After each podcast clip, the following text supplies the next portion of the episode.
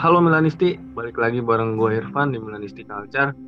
Kali ini kita akan ngobrol-ngobrol bareng Bang Lugai yang nama panjangnya Lugaya Mukti. Uh, sebelumnya kita juga pernah ngobrol ya Bang? Ya. Jadi sekarang part 2-nya gitu. Uh, ini part 2-nya. Soalnya kemarin kan berbeda ya. Ya. Beda tapi beda topik sih sebenarnya sekarang kita bahas uh, beragam topik ya bang. Ada beberapa topik sebelum pertandingan yang menentukan banget mungkin ya? Ya sangat sangat vital banget sekarang. Milan Juve. Juventus. Deg-degan deg-degan gue sampai de, uh, sampai podcast sampai nunggu Milan Juve deg-degan asli. Iya benar. Uh, dan banyak juga kan banyak rumor yang sedikit nggak enak gitu ya. Iya. Kebanyakan rumor-rumor sekarang di Milan agak kurang enak di telinga ya, kurang enak didengarkan gitu. Iya, uh, yang pertama nih kita bahas soal para pemain Milan yang tiba-tiba nge-unfollow Instagram dari Ibrahimovic. Menurut ya. Bang Umi gimana nih? Ya, kan um, kemarin ya pas pertandingan terakhir tuh Milan lawan Lazio ya kalau nggak salah ya. Benevento. Oh, lawan Benevento maaf. Lawan Benevento. Ah, kemarin uh, menang. Menang. Um, pas kemarin itu um, aku ngeliat pas uh, Zlatan marah-marah sama Caha.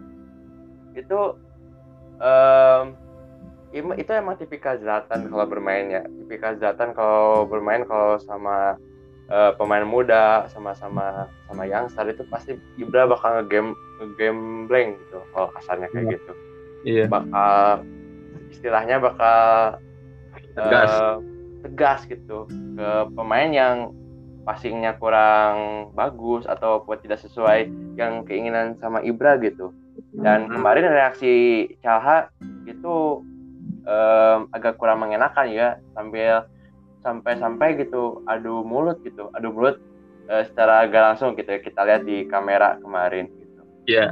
dan imbasnya pas pas bangun pagi gitu lihat-lihat feed Instagram ada tuh berita gue juga gue juga lihat gitu hmm. gue juga lihat pas Calha itu nge-unfollow gitu gue hmm. sih lihat unfollow Inbra gitu kan hmm. mereka tuh kemarin deket-deket kan uh, iya kemarin uh, di Ibra juga pernah pernah post uh, foto bareng sama Caha gitu. Hmm. dan kemarin uh, ada berita bro. Uh, ada berita begitu bahwa Caha itu unfollow Ibra gitu. Gue hmm. langsung cross check emang gitu ya ya, Ibra gak diikutin lagi atau gak di follow lagi? Atau di unfollow lah oh, bahasa gaulnya gitu. Di unfollow lagi sama Caha gitu. Hmm. dan yang lebih itunya lagi uh, lebih ngejutinnya lagi bukan hanya Calha aja gitu. Hampir ya beberapa pemain Milan gitu hampir yeah. selain Calha juga gitu yang uh, gak nge-follow Ibra gitu walaupun ya kalau secara sekilas gitu ini kan uh, gak perlu dibesarin-besarin juga ya kalau misalkan fans-fans biasa gitu gak perlu dibesarin-besarin hmm. juga gitu kan ini cuma sosmed doang lah kayak gitu uh, kasarnya gitu ya ya begitu yeah. ya bang kalau kata gue sih itu ada kalau kita lebih jeli lagi gitu ya apalagi pas post Instagramnya uh, Caha gitu yang kemarin gue lihat gitu terlalu banyak orang yang bicara gitu ya yeah. uh. terlalu banyak orang yang bicara talk talking too much gitu saat hmm. dia bermain entah dia itu nge-refer atau ngejurus ke Ibra yang pas kemarin pas pertandingan melawan Benevento kemarin adu mulut gitu ya yeah. ataupun ke fans Milan yang yang kita tahu lah gitu ya fans Milan itu nah. orangnya militan gitu ya kalau misalkan ada pemain yang kurang perform gitu ya langsung nah. kita uh, kas, uh, bagusnya gitu ya diceramain atau ya hmm. seperti gitulah kita tahu gitu kritik ya dan, ya dan uh, kebanyakan gitu um, Caha juga agak kurang ini ya kurang perform ya sebenarnya kalau misalkan agak inkonsisten performanya gitu memang uh, agak ya memang agak kurang kelihatan agak desas-desus juga kemarin ada masalah pribadi juga sama keluarganya gitu. Emang sih Salah ini memang pemain yang uh, sama di Milan gitu ya. Pemainnya inkonsisten karena masalah-masalah pribadi gitu ya, masalah yeah. keluarganya gitu ya. Jadi kita tahu dulu pas Montella gitu ya Bang ya. Pas hmm. zamannya Montella masalah pribadi keluarganya sampai ya gitulah sampai drama-dramanya gitu ya. Gue juga hmm. udah capek dulu gitu ya.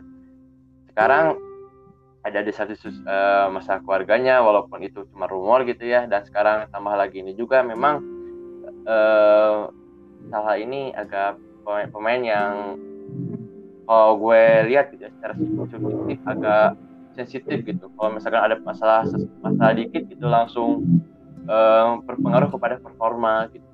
Kalau gue sih gitu kalau uh, masalah ini um, kalau gue dari uh, segi fans hmm. layar kaca atau fans hmm. dari luar gue gak tahu masalahnya atau segi apa uh, pakai atau bagaimana tapi hmm. semoga aja mereka uh, bisa menyelesaikan masalahnya gitu yeah. bisa menyelesaikan masalahnya hingga uh, secara profesional lah kalau misalkan bermain gitu nggak yeah. ada kayak kasus di Madrid gitu kayak Benzema sama Vinicius sampai gak umpan-umpanan hmm. gitu iya yeah.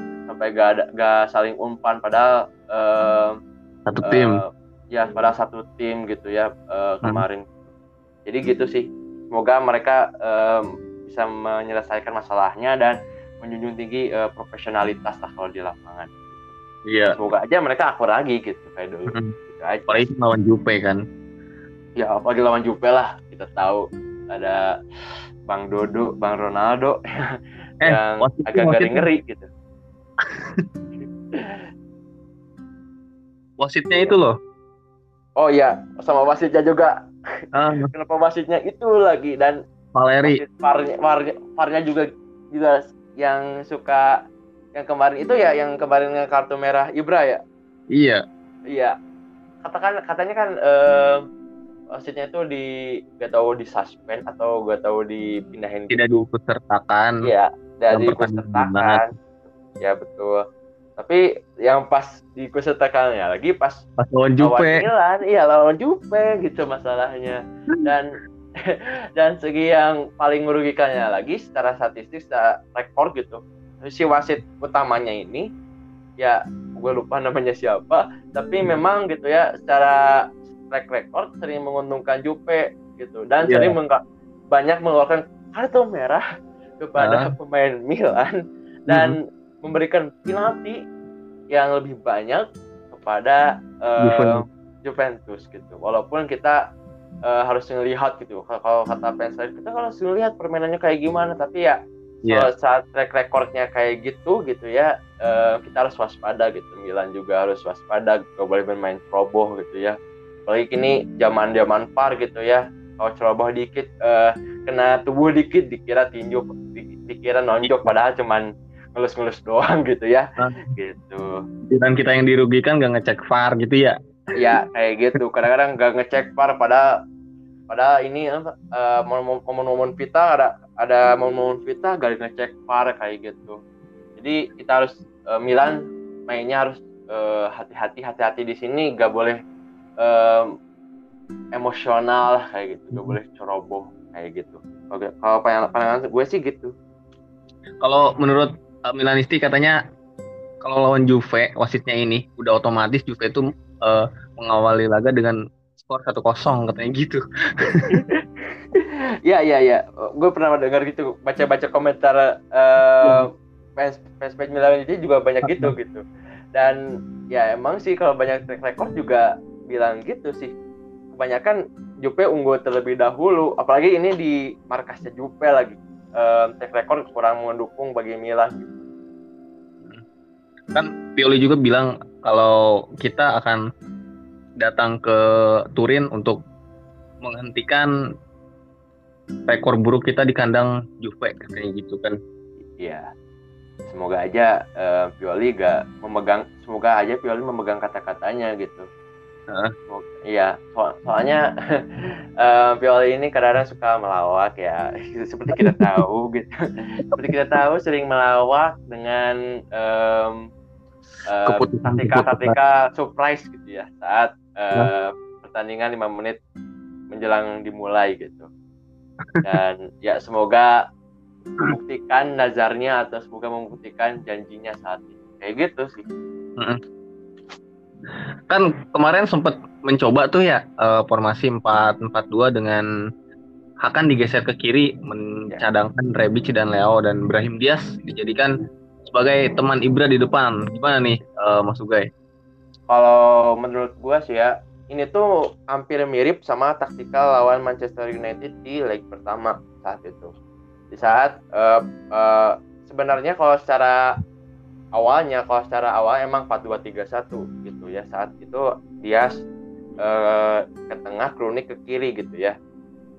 Tapi pada faktanya gue lihat dia itu jarang-jarang ke tengah gitu. Kadang-kadang suka nusuk di uh, nusuk-nusuk di penyerang lubang atau penyerang bayangan gitu ya. Penyerang bayangan di second striker gitu.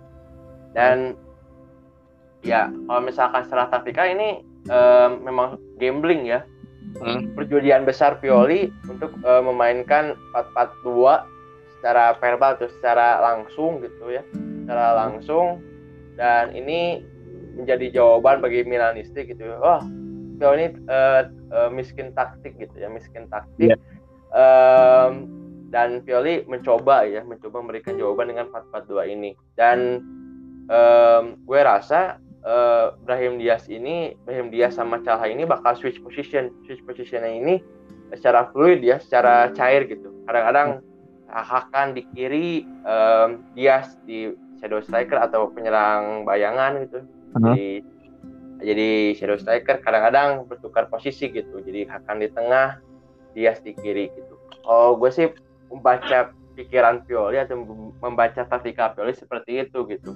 Empat-empat Sebenarnya taktika ini tuh mau dijalankan saat MU lawan MU kemarin, cuman uh, ya kemarin banyak pemain yang absen lah kita tahu yeah. kalau misalkan Hakan yang main gitu beda lagi ceritanya lah kalau misalkan hmm. kemarin karena kan kemarin dimainkan ya kronik gitu ya kronik yeah. gitu yang sekiranya hmm. ya dibilang bagus ya um, ya enggak gitu dibilang jelek juga enggak pas-pasan lah kalau kata gue gitu kalau di kalau, apalagi kalau dimainin di sayap kiri gitu jadi taktika 442 ini menurut gue sih uh, bisa menjadi solusi bisa jadi bumerang gitu ya bisa jadi hmm. bumerang bisa jadi bumerangnya itu kalau misalkan um, si Ibra, Ibrahim Diaz ini gak bisa nentu nentuin pola permainan atau ritme permainannya gitu. Iya. Yeah. Ya sementara kan kita tahu ya sektor um, tengah ini Hakan itu vital banget.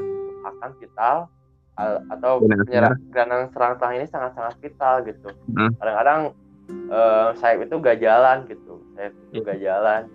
Uh, jadi um, bisa jadi bumerang apabila kedua gelandang ini uh, Benacer atau Casey gak bisa cover ini tengahnya gitu. Apalagi Milan selalu kalau kewalahan kalau lawan formasi 4-4-2 gitu. Lawan Lille yeah. yang 4-4-2 kalah gitu 3-0 hmm. kemarin.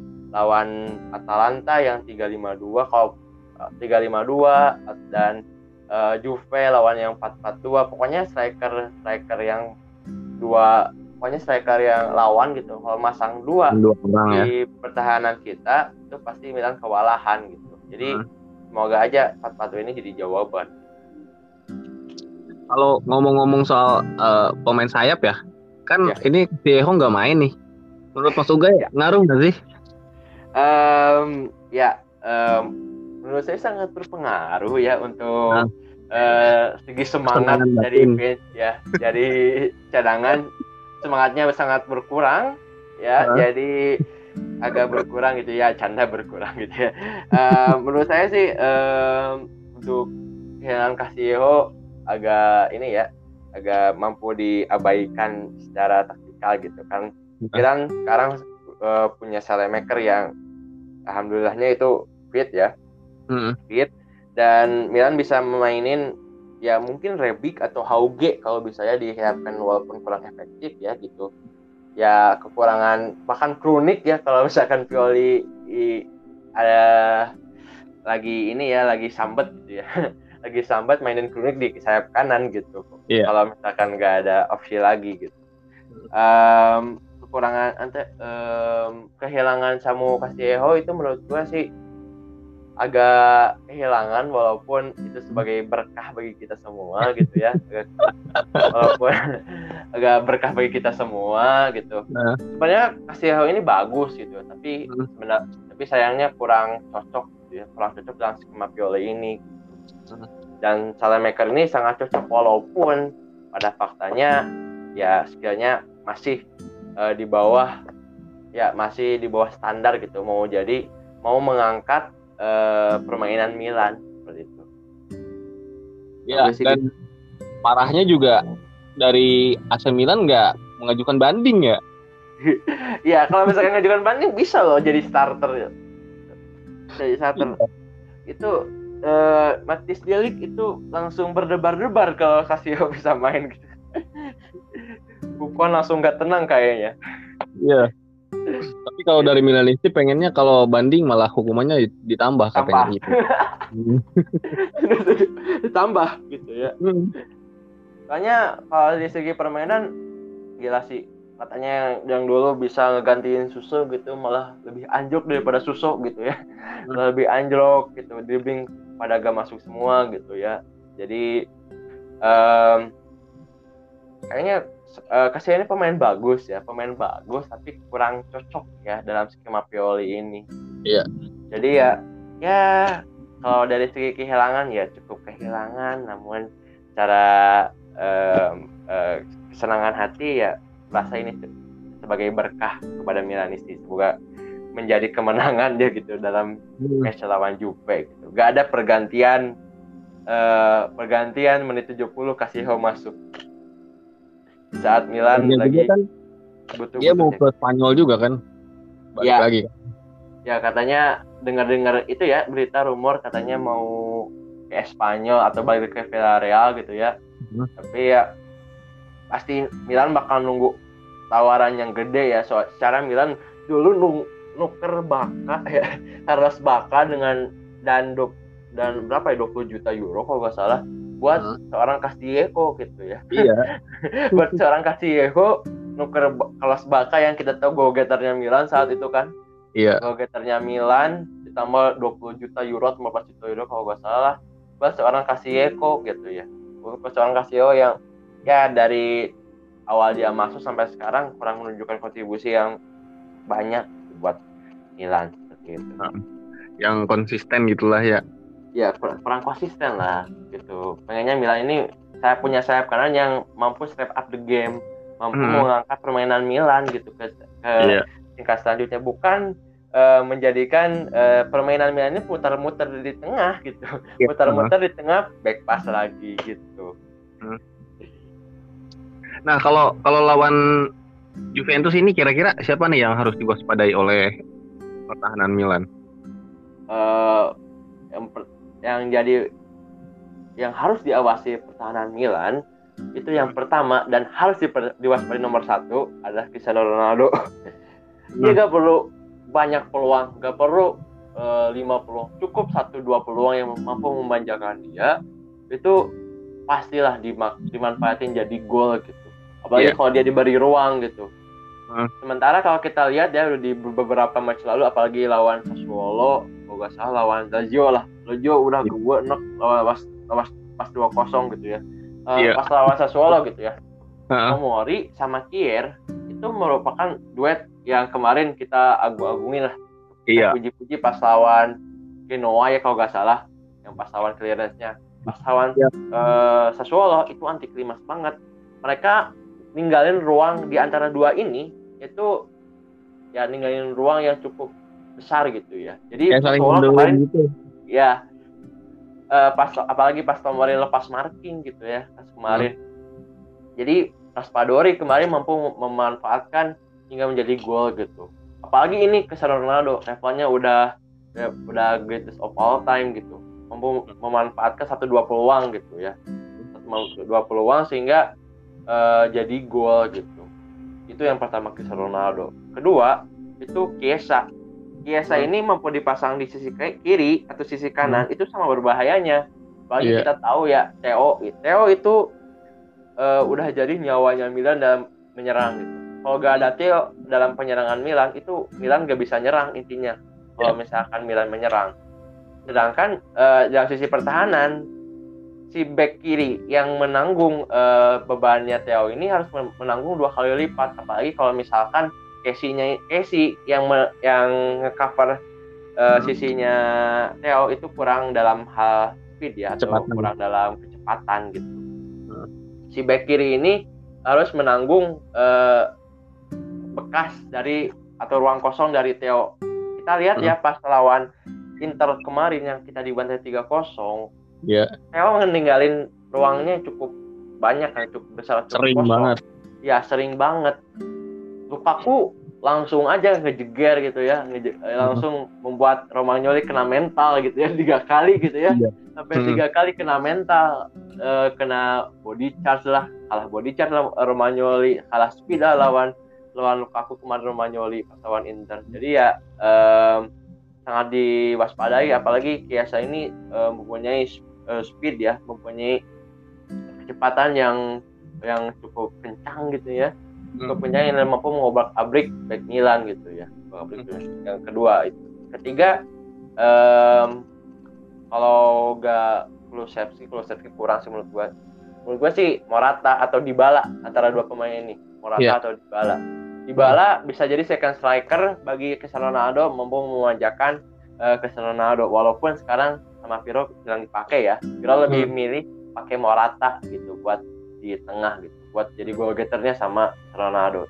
Dan Morata ini menurut gue em, em, kalau diberi ruang dia bisa jadi berbahaya gitu. Kalau bisa si dua pemenyerang ini gak boleh diberi ruang sama sekali oleh back back Milan Hmm. gitu.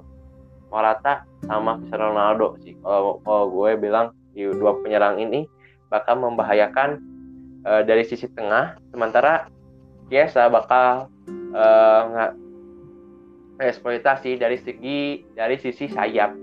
Iya. Kayak Sisi- pertemuan pertama aja gitu ya. ya pertemuan pertama ya bisa kita lihat sendiri. Kiesa mengorbardir gitu ya sisi Theo kemarin. Dan semoga aja Theo em, faktor atau atau ini ya re- em, mampu introspeksi diri gitu. Em, mau introspeksi diri gitu mau eh, melihat kelemahannya di mana aja gitu eh, ngebahas dendam gitu ya bahas dendam di match sekarang Iya. gitu. Kalau pertemuan pertama waktu itu kan kalau Cristiano Ronaldo-nya bisa di cover sama Dalot ba- secara baik gitu ya. Iya. Padahal ya Ronaldo tahu sendiri lah kayak gimana gitu kan aksinya dia. Iya. Kalau semisal nih ya, nanti back tengahnya tuh yang paling cocok buat nemenin Simon tuh Romagnoli apa Tomori nih? Kalau misalkan back yang nemenin Simon itu em, kita lihat ini ya dari em, kita lihat match sekarang match lawan Juve. Match lawan Juve ini adalah big match. Big match itu yang paling terpenting selain skill adalah mental. Mental di sini em, hal yang paling diuji di pertandingan ini. Dan kita kita harus lihat apakah eh, Romagnoli eh, bisa mengangkat pertanding eh, bisa mengangkat mental Milan itu atau bisa mampu menanggung pressure dari pertandingan ini gitu. Iya. dan pertanyaan selanjutnya apakah kalau misalkan kita milih Tomori apakah Tomori bisa mengangkat gitu, atau bisa menangani pressure eh, pertandingan yang sebesar ini? Kalau misalkan Tomori misalkan kalah gitu ya kalah misalkan Hmm. kebobolan karena kesalahannya gitu ya Hmm. apakah Tomori bisa bisa bounce back gitu ya bounce back eh, dan mampu eh, memenangkan Milan gitu istilahnya gitu jadi di sini em, poin gue adalah eh, mental sih yang paling utama gitu dan gue Ya. lebih pilih em, secara kasarnya gitu ya lebih pilih Ya. Romagnoli sih lebih pilih Romagnoli lebih pilih Romagnoli kenapa? Karena yang pertama yang pertama adalah eh, Romagnoli ini menurut gue ya sebagai kapitano di Milan menurut gue lebih mengangkat eh, semangat dari pemain Milan daripada Donnarumma ya selama Hmm. Donnarumma jadi kapit kapten. Apalagi setelah Donnarumma jadi kapten gue rada enak gitu pas lawan Lazio kemarin gitu ya. Pas lawan Lazio kemarin yeah. uh, emang sih sama temen sama Reina gitu ya sama uh, ketawa gitu. Walaupun tapi yang lain lihat dong gitu uh, sampai Calabria sampai nangis gitu ya pas kemarin hmm. gitu uh, jadi menurut gue sih lebih uh, Romagnoli bisa mengangkat uh, mentalnya gitu bisa mengangkat mental pemain Milan yang lain bisa menangani pressure di pertandingan yang besar ini gitu hmm. dan menurut gue sih Tomori bagus walaupun uh, kita lihat sendirilah akhir-akhir ini emang form Tomori ini agak menurun gitu ya agak hmm. menurun agak menurunnya itu ya kita lihat sendirilah gitu ya. Jadi markingnya kadang-kadang lepas kadang-kadang kalah heading gitu ya. Heading ini iya. sangat-sangat krusial ya sangat-sangat krusial. Apalagi Juventus hmm. selain mengandalkan uh, gameplay gameplaynya gitu ya mengandalkan Chiesa ataupun Ronaldo uh, mengandalkan yang namanya set piece gitu di mana Ronaldo jadi ujung tombak utama. Kan gak lucu gitu kalau kita misalkan um, ada dua Morata sama Cristiano Ronaldo. Tomori menghadang dua-duanya gitu. Atau iya. Simon misalkan kalah uh, atau kalah spin atau kalah apa gitu ya. Tomori langsung melawan Cristiano Ronaldo gitu dalam duel heading. Dan gue lebih ngandelin kalau dua dua udara kayak gini lebih ngandelin Romagnoli. Jadi gue lebih prefer Romagnoli gitu ya. Lebih honest secara, secara jujur. Hmm. berarti lu lebih memilih ke Romagnoli dan tadi lu nyinggung kan kalau kalau lu tuh pas ngelihat Donnarumma pakai ban kapten makin ke sini makin kayak nggak jelas gitu ya? Ya lebih gimana ya? Um, memang dia itu uh, Donnarumma itu punya skill yang bagus hmm. punya potensi yang gede gitu. Jadi goalkeeper yang ya lebih jadi legenda lah gitu hmm. jadi legenda.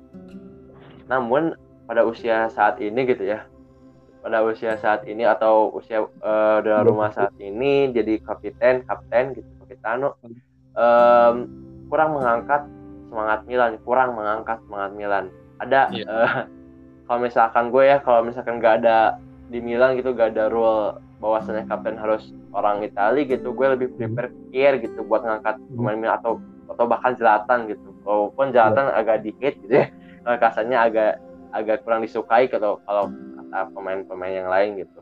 Iya. Ya kalau gue sih lebih prefer Kier gitu. Secara Kier itu pemain uh, kapten dari timnasnya gitu. Hmm. Pemain dari timnasnya gitu. Jadi kalau misalkan nggak ada role dari kapten uh, harus dari Italia selain, selain Romagnoli gue lebih prefer uh, Kier gitu jadi kapten. Dan Donnarumma kayaknya um, ya um, ya gara-gara kontrak kali ini yang berlarut-larut ya.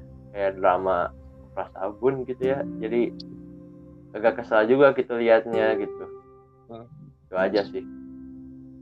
Uh, lalu kan ada yang ada yang menarik nih dari dari situasi kontrak Donnarumma kemarin ketika uh, sebelum pertandingan lawan Juventus juga uh, Ultras Milan sempat menemui dia ya kan untuk ya. uh, lu tanda tangan dulu baru boleh main lawan Juve gitu kan Yeah. Lalu uh, Maldini turun tangan katanya uh, kalau urusan kontrak siapa pun tidak bisa ikut campur siapa yang bertahan di Milan dan siapa yang akan pergi. Lalu uh, Maldini juga bilang untuk urusan starting juga uh, itu adalah hak kewenangan dari Pioli gitu bukan bukan dari orang luar kayak gitu. Nah, yeah. menurut lo, misal nih kalau memang Donnarumma pergi musim depan. Ada kabarnya juga kan Maignan yang akan menggantikannya nih. Ya. cocok gak nih menurut lo orang Maignan menggantikan Donnarumma ya uh, kita bahas itu dulu ya soal kontraknya yang berlarut-larut ya, ya. Uh, Donnarumma emang ini ya ini bocah dari tahunnya Mirabelli sampai sekarang itu agaknya sering bermasalah sama pembaruan kontrak ya. Jadi makin ke sini makin berlarut-larut sampai minta 12 juta gitu ya. Buat seorang 21 tahun minta 12 juta itu udah udah out, udah gak kotakan lagi ya gak gak ngotak gitu ya gak ngotak. Milan udah over udah nawar 8 juta itu pun paling maksimal gitu. Dan sekarang kita lihat Milan itu sedang memberikan ultimatum bagi Donnarumma Donnarumma ini eh, bagi Donnarumma bagi Milan bagi Donnarumma kalau misalkan Donnarumma udah mau pergi gitu ya dia udah punya udah punya pengganti gitu ya. Mike Nyan dari dari Lille gitu dari Iya. Lille dan Hmm. dan menurut gua sih ya cara Mike Nyan ini sebenarnya Mike Nyan ini adalah kiper yang underrated underratednya gimana eh, Mike Nyan ini kiper yang sebenarnya dari PSG ya dari akademi PSG yang yang sayangnya kurang mendapat tempat karena gara-gara eh, datangnya ada Sirigu satu Sirigu Alfonso Areola sama em, Keylor Navas saat itu hingga Mhm. pindah pindah ke eh, Lille saat, saat itu ya 2016an kalau nggak salah dan menurut eh, dan cara permainan mulai meningkat meningkat hingga sekarang gitu ya Em, hingga sekarang mampu mendapatkan clean sheet yang banyak itu 17 kalau nggak salah 17 clean Iya. sheet hanya kalah dua dari Keylor Navas Keylor Navas dan buat teman-teman atau buat abang-abang Milanisti yang lain kena- eh, kan lu gak bisa nilai gitu ya clean sheet dari Liga Petani gitu ya Liga Liga Prancis gitu kita lihat Iya. ya kalau misalkan Liga Prancis ini merupakan salah satu liga yang paling ketat ya paling seketat hingga sekarang gitu juaranya masih belum ketebak kayak Liga Spanyol gitu Iya. dan dia sekarang eh, mempuncaki klasemen mempuncaki Iya. klasemen di Ligue 1 gitu dan Hmm. hanya butuh dua pertandingan aja gitu buat eh, meng- ini ya meraih juara gitu juara Ligue 1 dan menurut gue sih ya eh, kalau gak ada ini ya kalau gak ada adaptasi masalah adaptasi eh, di Italia menurut gue Hmm. Mike Dan ini cocok buat Milan secara dia adalah em, kapten kapten di Lille bisa jadi kapten dia punya segi jiwa kepemimpinan di Hmm. Lille terus em, dia punya pengalaman di timnas jadi Hmm. backupnya Hugo Lloris Hmm. dan menurut gue sih ya eh Magnan ini bisa jadi kalau dari pandangan lain bisa jadi Edward Mendy-nya Milan Iya. Edward Mendy ke saat itu underrated underrated ya Hmm. ini kiper dari mana dari Rene gitu dari Rene dari Prancis gitu bisa gak sih eh, gantiin Kepa yang saat itu bapuk ya kemarin Iya. bapuk bisa Heeh. ganti bisa gak sih gan- gantiin banyak keraguan dari fans Chelsea kemarin kayak gitu dan sekarang kita lihat Edward Mendy bisa step up the game bisa clean sheet bisa kemarin lawan City bagus banget lawan mainnya Mhm. gitu ya Nahan penalti Aguero ya. nah pelatih Aguero dengan satu tangan gitu ya Aduh, Langsung minta maaf dia.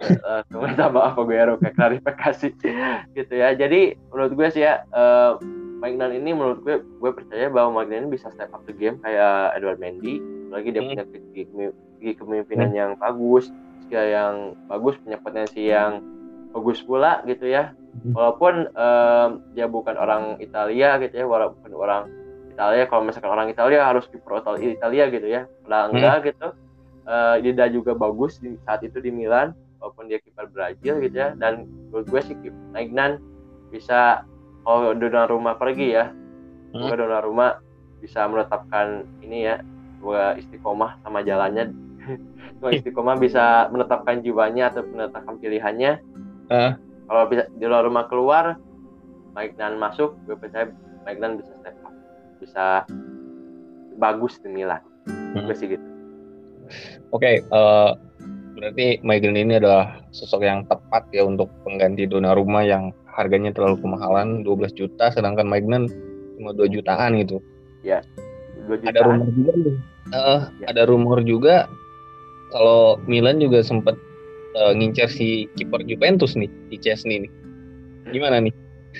menurut gue sih itu cuman ini doang ya cuman apalagi cuman manas-manasin rumor doang sih katanya apa ya? katanya sampai mau barter ya kayak Iya. mau ke Milan dua rumah mau ke Juve gitu. Eh, menurut gue sih menurut gue sih malah jadi transfer yang paling Absurd.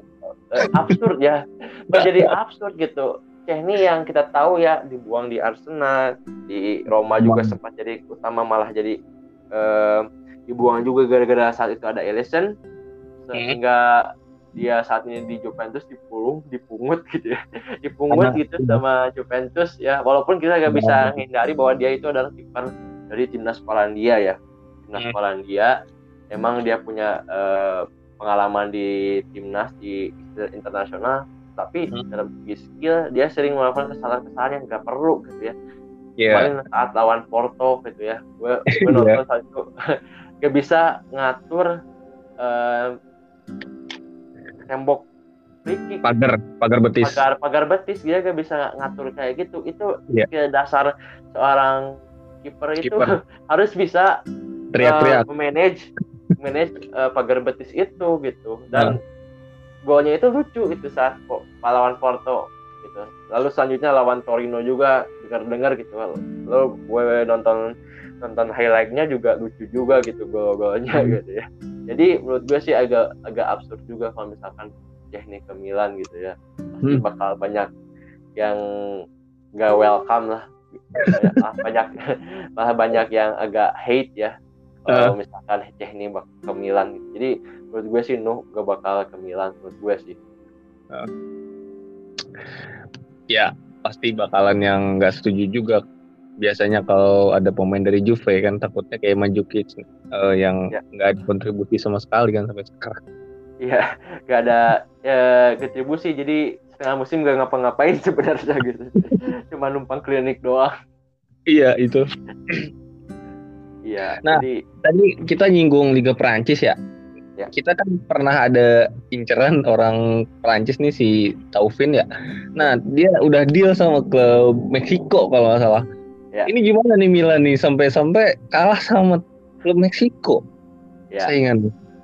ya agak lucu juga ya pas pas gue baca berita-berita gitu baca berita-berita di di Google yang yang lain media-media luar sampai di Instagram gitu baca-baca lihat nongol Taufin pakai baju Tigres gitu pakai baju bukan Hmm. Milan bukan Milan dan gue lanjut the hell? gitu. Oh bukan oh oh nggak ngesain gitu baju apa ini? gitu kok Heeh. kayak bukan klub-klub Eropa gitu Iya. dan ternyata dia sign ke Tigres gitu sign ke Tigres Hmm. dan ya kalau misalkan kenapa Milan gak ngesign dari kemarin gitu kan kita tahu ya eh Taufin eh, beres kontraknya musim sekarang gitu ya musim Ah. sekarang dan Milan itu sedang incar pemain sayap kanan yang em, Hmm. lebih berpengalaman atau lebih bagus ya lebih bagus dan kayaknya gitu dari segi pandangan Maldini kayaknya Taufin ini kurang ini ya sebenarnya kurang kurang Cocok.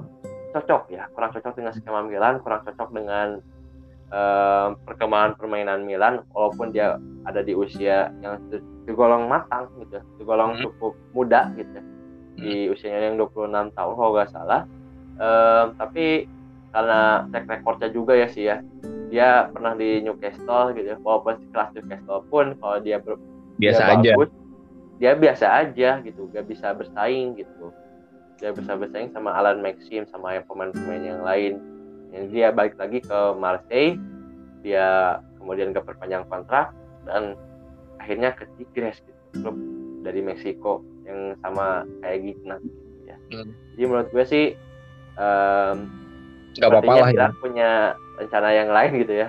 Iya. Punya rencana yang lain di sayap kanan selain Taufin. Gitu. Malah rencananya katanya mau ngerekrut si De Paul nih, menyertakan Hauge serta Pobega untuk menjadi pelengkap transfer ini agar terjadi. Ya menurut gue sih em, em, masalah Depo, Depol Hmm. itu menurut gue sih udah berita lama, bukan berita lama Iya. dalam konteks beritanya udah dari lama gitu. Hmm. Udah Nggak jadi-jadi. ini udah berita dari tahun kapan? 2016, 2017 semenjak Yong Hong Lee jadi Iya. presiden Milan saat itu Depol katanya mau ke Milan, mau ke Milan, padahal itu gak jadi-jadi sampai sekarang gitu. Dan ya sampai sekarang pun em, apalagi em, Hauge ya yang kurang dapat em, jam menit bermain apalagi ditambah lagi gitu ya. Ini jadi Iya. nambah-nambah bumbu-bumbu em, berita gitu, Bencian. bumbu-bumbu rumor gitu. Jadi em, menurut gue sih ini cuma berita lama yang gak jadi-jadi sebenarnya dan eh, Milan pun eh, berusaha ngesign ngesign atau dapetin Depol kalau jadi Depol itu Hmm.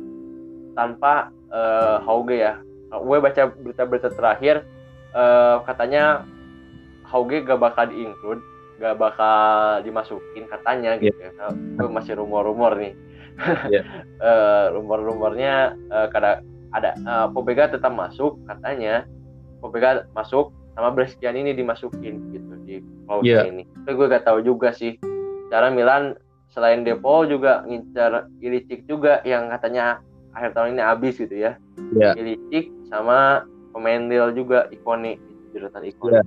hmm Oke, berarti untuk De Paul ya ya udahlah itu mau udah rumor lama yang mungkin diangkat kembali gitu ya. Iya, diangkat-angkat kembali gitu dan dan gak jadi-jadi pula gitu ya. Gak jadi-jadi ya. pula gitu. Tapi kalau semisal dia join juga menurut gua bakalan menjadi pesaing yang cukup mumpuni untuk seorang Hakan yang di berita terakhir dia katanya nggak terima dikritik sama Milanisti.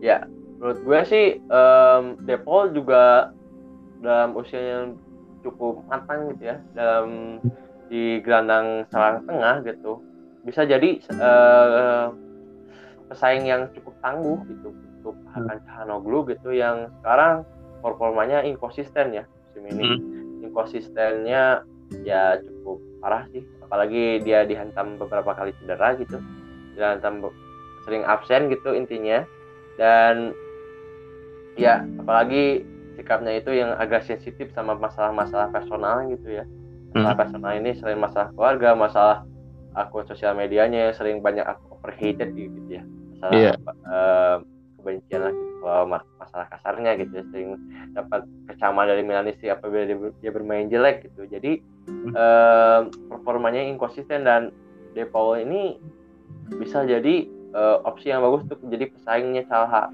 sekarang kita hmm. lihat uh, pesaingnya Calha siapa? Krunic. Dias pun kejauhan. ya kejauhan gitu ya. Dias pun ya uh, bisa jadi walaupun dia prospek yang bagus gitu, dia bukan selevel dengan Cahanoglu. Dia adalah yang prospek yang menurut gue bisa jadi tambahan dia bisa jadi sayap kiri bisa jadi sayap kanan dia versatile banget jadi gelandang gitu tapi dia level, levelnya bukan ya bukan level sama Cahakan gitu akan udah levelnya udah Europe lah gitu. udah yeah. level Piala Eropa gitu sementara dia baru level timnas junior doang gitu timnas yeah. masih timnas U20 nya Spanyol gitu udah Spanyol gitu jadi akan ini kalau misalkan Depol masuk gitu atau Ilicic yang lain masuk itu bisa jadi pesaing yang uh, bagus lah gitu. Apa apabila akan akan juga uh, mau perpanjang kontrak ya. Perpanjang kontrak sama Milan yang berlarut-larut sama kayak Dona. Hmm. sama kayak Gigio larut-larutnya minta ampun. Nah semisal ya semisal uh, Pioli ini gagal bawa Liga Champion untuk Milan musim depan. Dan diawali dengan kekalahan nanti melawan Juve. Menurut lo dia layak dipertahankan atau emang ya udah gitu? Selesai uh, menurut gue sih um, ya uh, kita kalau kita lihat dari form yang dulu ya setelah um, covid ya yang pas kemarin setelah lockdown. Setelah lockdown yeah. dia bermain bagus. Bagusnya hmm. itu secara taktikalnya itu flowingnya dapat. Pas flowing umpan flownya dapat gitu. Mainnya enak dilihat lah saat itu. Kalau menurut gue sih saat itu emang kedatangan Ibra sangat berpengaruh sekali ya. Apalagi uh, sebelum ada Ibra sebelum ada Ibra pas Pioli megang itu uh, lumayan gak jelas gitu permainan Milan kayak gimana gitu. Pas ada Ibra gitu. Ada Ibra Milan dapat uh, flow-nya dapat uh, gimana dapat formnya yang bagus gitu. Iya. Dan sekarang um, dan kemarin juga dapat um, juara paruh musim. Dan sekarang performanya menurun. Apalagi kita hmm. dapat tujuh kekalahan itu. Dan tujuh kekalahan itu paling banyak dalam lima besar dalam klub dalam top 5 klub gitu klasemen yeah. sekarang gitu. Uh-huh. dan uh, dan masalahnya itu bukan inkonsistensinya bukan hanya dalam cedera pemain aja gitu.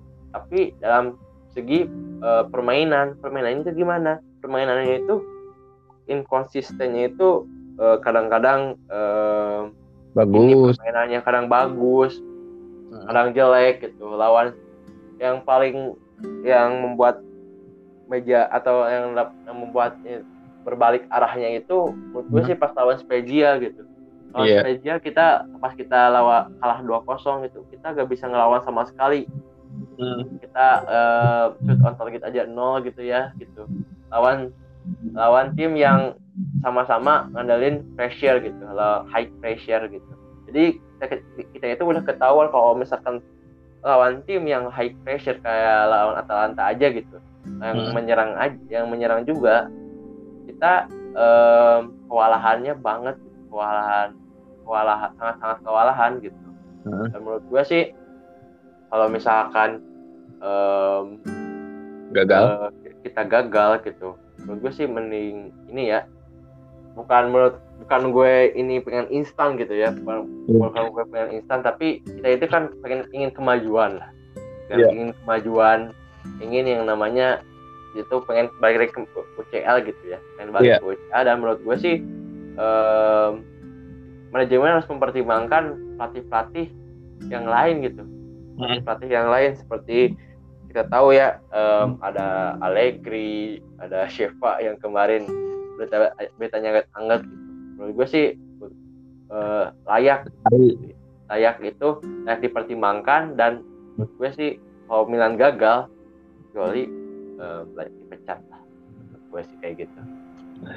Kalau ngomong-ngomong soal pilihan nih pengganti Pioli kan ada nama uh, Sari ada Seva dan Tasoti ada Ancelotti dan Allegri nih. Lu lebih ke mana nih?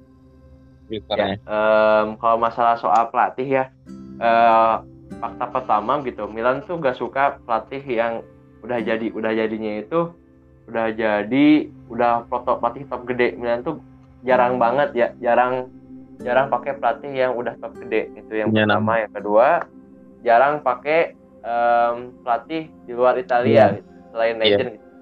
uh, selain legend pelatih di luar Italia. Jarang banget. Kali uh, siapa ya? Kalau gue lupa pelatih Terry. Udah jauh banget gitu. Udah jauh banget. Gue udah lupa lagi gitu. Leonardo hmm. kalau nggak salah. Dan itu udah jauh banget. Dan sekarang kita um, bedah satu-satu mungkin.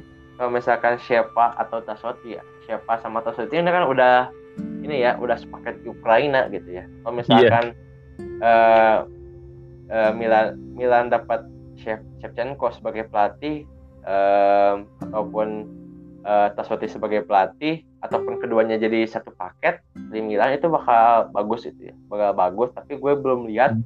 cara permainannya kayak gimana gitu ya. Cara permainan kayak gimana Ukraina kayak gimana gitu mainnya gitu. Apakah hmm. cocok dengan permainan squad kayak gini squad squad Milan kayak gini gitu. Dan menurut gue iya. sih uh, pelatih yang bagus adalah pelatih yang mampu memanfaatkan squad saat ini gitu. Yeah. squad squad yang seadanya gitu. Kayak kayak siapa ya? Kayak Tuchel gitu ya. Kayak Tuchel Tuchel gitu gak sebenarnya uh, gak sesuai gitu sebenarnya. Tapi dia mampu memanfaatkan gitu pemainnya sehingga hmm. ya lumayan lah gitu dapat atau dia capaiannya bagus sampai ke final. Dan menurut gue sih pelatih pelatih yang abang sebutin kayak uh, siapa Tasoti dan yang lain seperti, seperti Sari gitu ya Ancelotti. Hmm. itu pelatih yang bagus cuman menurut gue sih uh, kita harus lihat uh, taktikalnya kayak gimana yang pertama. Kedua hmm. dia uh, man manajemennya kayak gimana? Man manajemennya itu apakah dia sering uh, uh, sering berselisih sama pemainnya kayak Mourinho gitu ya? Mourinho yeah. kalau setiap dia ngelatih pasti udah berselisih sama pemainnya kemarin di Tottenham uh, sama Dele Ali di Real Madrid sama Iker Casillas gitu ya. Untung aja gitu kemarin gak ke Milan gitu. Kemarin gak ke Milan gitu dan uh, ya Roma dia. emang ya emang trauma aja gitu. Emang gimana ya emang emang gak cocok aja gitu sama uh, squadnya Milan gitu oh, apalagi kalau Milan harus bertahan gitu. Permainannya gitu monoton banget gitu. Itu yang pertama yang kedua gitu. Terus uh, menurut gue sih um, pelatih pelatih gue agak ini ya agak kesusahan dalam memilih pelatih pelatih untuk next ke depannya karena um, bayangan gue itu permainan Milan itu um, akan berubah gitu akan berubah dan dari ini ya? ya dan dan perlu memu- perlu perlu ini ya satu atau dua musim. Ya satu atau satu musim lah buat dia menyesuaikan gitu. Iya. Dan dan pelatih pelatih saat ini Ancelotti menurut gue bagus pelatih yang bagus pelatih legend. Tetapi Pak Ancelotti ini butuh satu pemain di gelandang kayak kakak Hmm. kayak kakak di squadnya. Sekarang di Everton dia punya James Rodriguez. Dan Iya. James Rodriguez ini sangat dia andelin banget. Kalau gak ada James Rodriguez udah hilang permainan permainan Everton itu gak ini ya gak kelihatan banget kadang-kadang kalah inkonsisten itu gara-gara James Rodriguez kemarin cedera gitu. Hmm. Sementara Allegri, Allegri lebih kita tahu ya permainannya saat kemarin agak lupa-lupa dikit kayak gimana tapi ya sekarang pas kemarin lihat lawan Juve pemainnya agak bertahan dan lebih ngandelin lebih ngandelin tangan balik gitu. Terus eh, Sari, Sari permainannya lebih vertikal taktik eh, vertikal tiki taka atau lebih kita kenal dengan Sari ball gitu ya. Sari ball dengan permainannya yang sangat eh, menguras tenaga. Yang pertama menguras tenaga, sangat eh, ingin sangat pressure dengan back lawan gitu ya, sangat Iya. pressure menekan- menekankan high pressure kepada lawan. Terus em, sangat sedikit eh, pokoknya jangan banyak dribbling dribbling, pokoknya umpan umpan umpan sampai ke depan shoot kayak gitu. Jadi eh, mengandalkan terus mengandalkan tiga pemain kayak kita aja tapi lebih vertikal mainnya. Iya.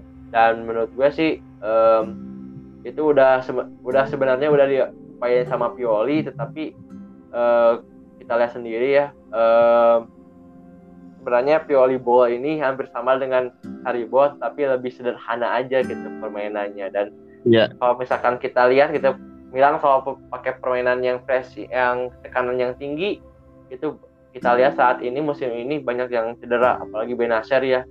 Itu drop banget sekarang. Drop itu karena cederanya itu berkali-kali gitu. Tapi formnya aja agak jelek gitu eh, musim sekarang. Bisa disayang sama Benacernya tapi ya ya kebugarannya saat ini jauh ini ya sangat menentukan permainan Milan saat musim ini gitu. Em, dan menurut gue sih eh, pelatih-pelatih yang tadi ditambah juga sama pelatih Lille juga gitu. Iya. Eh, Galtier gitu Galtier kalau nggak salah. Galtier juga perlu untuk diperhitungkan juga jadi pelatih Milan gitu. Hmm. gue up to eh, abang-abang Milanisti atau teman-teman Milanisti yang lain para pendengar eh, apa pelatihnya yang mana. Tapi menurut gue sih em, karena kedekatan manajemen sama Elliot gitu ya. Karena kedekatan manajemen Elliot sama Real sama AC Milan mungkin aja gitu. Milan bisa nyomot pelatih pelatih Lille ini gitu pelatih Hmm. Lille. Di saat ini gitu Galtier ke Milan gitu.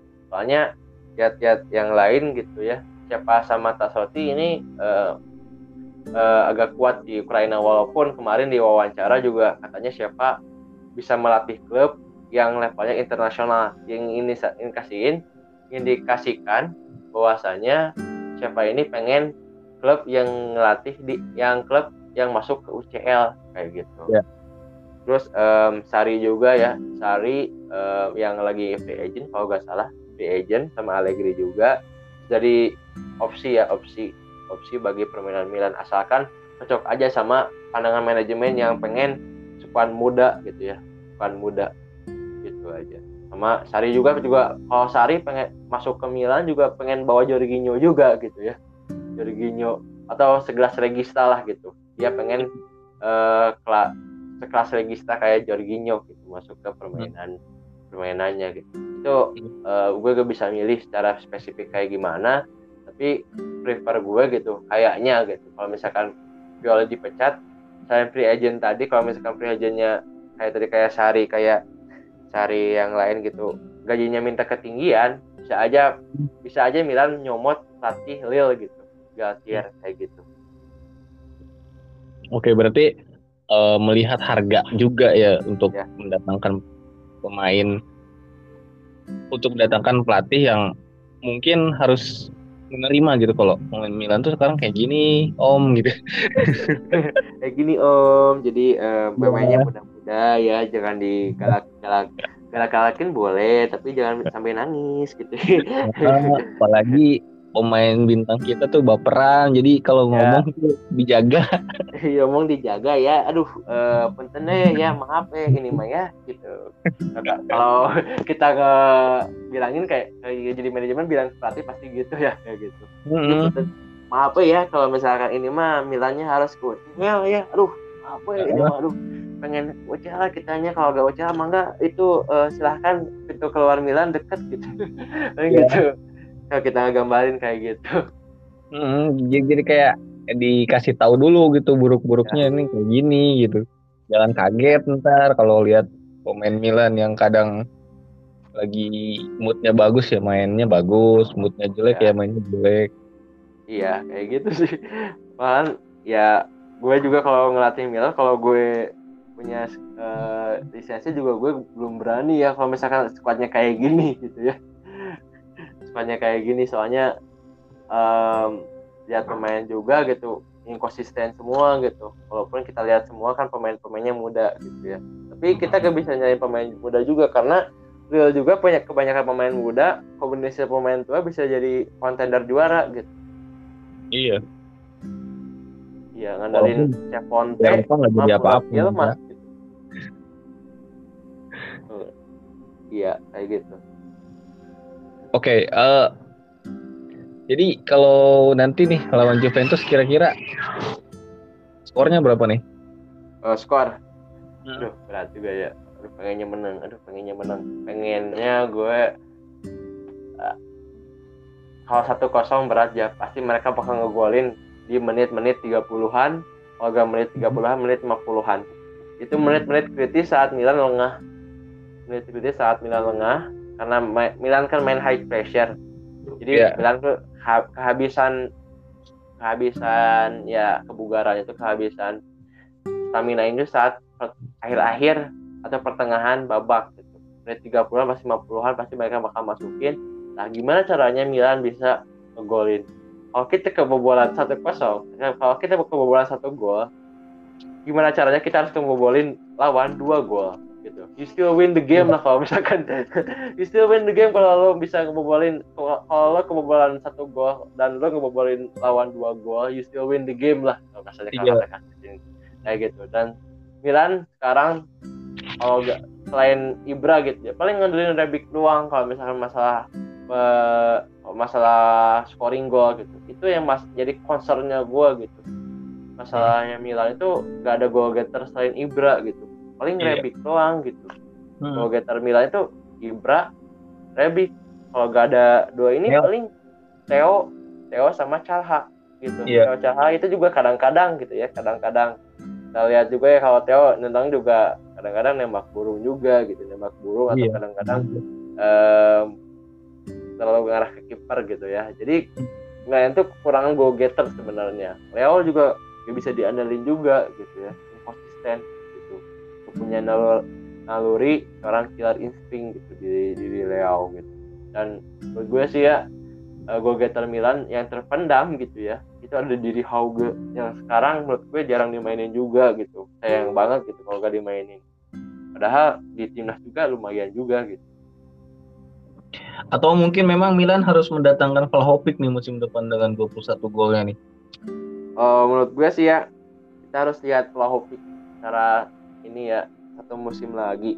Gue takutnya Milan tuh terlalu terbuai dengan satu musim bagus sama satu pemain.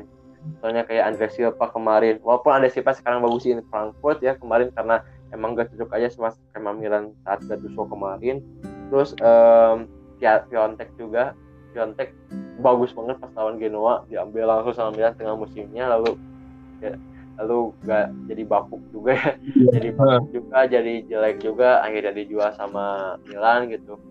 Gue walaupun bagus gue lihat mainnya dia pemain kidal dia mainnya bagus punya killer insting tapi gue takutnya em, dia gak bisa nahan pressure.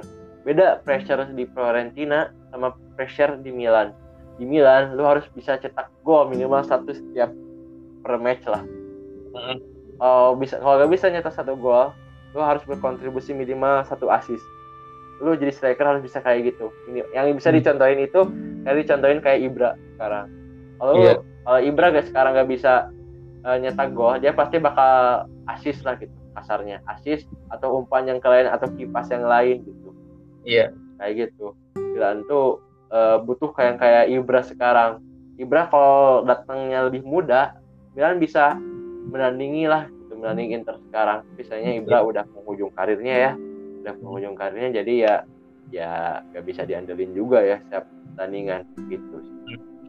kalau menurut gue sih Pelahovic uh, bisa jadi opsi tetapi menurut gue 40 juta untuk Vlahovic yang basisan ini doang yang bagus itu menurut gue sih agak ini ya agak gambling juga ya perjudian ya. juga gitu bagi Milan berarti jangan jangan dulu lah ya tunggu satu musim ini biar nggak sampai beli kucing dalam karung lagi kan. Iya beli kucing dalam karung itu udah jadi kebiasaan Milan lah kasarnya kayak gitu. Iya. Apalagi kayak pembelian Duarte dari Liga Brazil kayak gitu kan. Ya, iya gitu. Iya gak jelas juga ya sampai sekarang dipinjemin sama klub-klub uh, yang lain gitu Duarte. Terus um, kita lihat juga ya rekor Milan kalau beli pemain mahal pasti jelek-jelek gitu ya. Apalagi kemarin pas beli Caldara, beli beli Bonucci. Iya. Itu beli Bonucci, beli Andre Silva yang nominalnya gede. Mas kemarin juga Leo juga lumayan juga gede juga 25 sampai 30 juta euro dari Lille kalau nggak salah iya uh, dari dari Lille juga gitu kalau nggak salah. Dan dan Milan ini um, terlalu nge-spend uh, ngebuat pemain yang menurut gue masih berkembang di develop gitu. dan Milan ini kurang agak begitu bersabar gitu. Kurang agak begitu bersabar kalau kayak kasusnya Andres Silva. Sama kurang ini aja sih.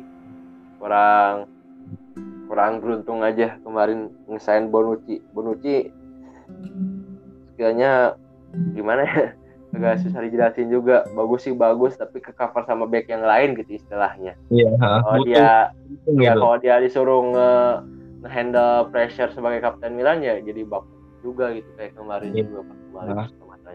Benar. Gitu sih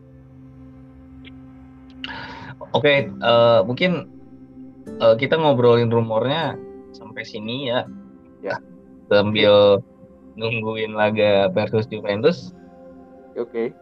Untuk yang terakhir deh, ada pesan-pesannya nggak nih buat para Milanisti dari Bang Ugai sebelum laga final nanti kali ya? Ya, uh, buat teman-teman Milanisti ya mendengarkan podcast ini uh, ya untuk uh, berdoa aja ya, berdoa agar Milan mampu memenangkan empat pertandingan ini dengan kemenangan. Istilahnya gitulah. Istilahnya, yeah. istilahnya ini. Berdoa aja semoga Milan ini dapat memenangkan empat pertandingan dengan kemenangan apalagi lawan Juventus sekarang uh, sama lawan uh, Atalanta lah gitu ya kasarnya. Apalagi hmm. lawan Torino juga yang yang lagi berjuang juga dari degradasi gitu ya. Hmm. Itu juga pertandingannya agak berat juga. Semoga kita dikuatkan gitu ya dengan pertandingan senam jantung empat pertandingan ini dengan uh, eh, yeah. Jantung yang kuat gitu untuk menahan segala ini ya permainan-permainan yang gak jelas gitu. Apalagi dari kronis yang gue prediksi bakal main ya. Bakal main di penggantian yeah. nanti gitu. Walaupun itu sebagai hmm. menit 90 hmm. gitu. Gitu. Yeah dan selanjutnya juga buat teman-teman Milanisti juga uh, tetap semangat juga uh, terus semangat jangan iri sama tetangga juga yang baru juara gitu ya banyak ini banyak yang buat telinga panas gitu ya jangan yeah. dihiraukan ini me lagi mereka aja lagi wangi gitu ya tahun sekarang.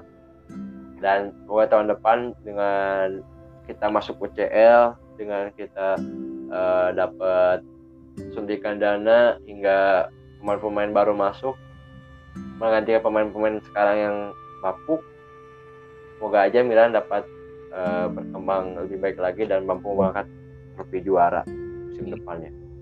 Amin. Amin. Amin. Karena kalau ngelihat 2010 Inter juara besoknya AC Milan yang juara kayak gitu ya. Nah, kayak gitu. Tapi Jupe langsung lagi. Enggak lah antar Spezia. Spezia lah. Atau Benevento. Yeah. Benevento oh, gak salah oh ini pokoknya mah jangan jumpa lagi bosan gue jangan jadikan Serie A kayak Bundesliga lah Bundesliga hmm. udah jadi ngebosenin lah oh gue lihat gitu 9 tahun nggak ada uh, pesaing Bayern Munchen gitu. Hmm. Kalau gue lihat tahun sekarang gitu, uh, alhamdulillah Serie A udah berkembang ya, udah mau rombak gitu, udah mau tim-timnya mau mau udah mau berintrospeksi buat ngelawan Juve gitu. Kayak Inter sekarang udah udah juara gitu ya, dan semoga tahun depan dengan masuk UCL juga kita uh, sama rombak squad mungkin Milan juga dapat diperhitungkan sebagai uh, peraih Scudetto tahun depan. Hmm. Itu aja sih bang. Ya, dan selain Salernitana dan Empoli, ya gue berdoa semoga Monza juga bisa promosi ya musim depan. Iya, Monza juga uh, Monza sama Berlusconi ya, Berlusconi. Hmm. Boateng. Ya Proci ya, Boateng, Balotelli juga bisa naik gitu ya. Hmm. Gue rindu Boateng sumpah. Oke. Sama Galiani juga ya. Kangen banget pasti kalau misalkan Monza naik gitu ya, Monza naik ke Serie A lawan AC Milan kayak reuni gitu. Uh, kayak lagi latihan. Kayak lagi latihan ini gitu, persahabatan gitu, kayak latihan biasa gitu. Hmm. gitu. Jadi jadi gimana ya agak agak ini juga agak nostalgia juga apalagi lihat uh, Galiani gitu. Galiani di atas. Wah, kangen juga masa-masa dulu kayak gitu. Tapi sekarang yeah. Milan sekarang dengan era Maldini semoga aja bisa mengulangi zaman-zaman kayak dulu. Itu sih menurutku. Amin. Oke deh Bang Ugai, uh, semoga hasil yang terbaik buat Milan di nanti malam dan yang terbaik itu kemenangan. Amin. ya, uh, ya, dengan ya. kemenangan menyambut kemenangan juga ya, yang menyambut kemenangan dengan lawan Juve nanti dan menyambut kemenangan di hari raya Idul Fitri ya, itu aja oh, sih. Iya, ini kan sekalian kita apa ya buat uh, Idul Fitri juga ya sekalian nyalain ya. izin ya.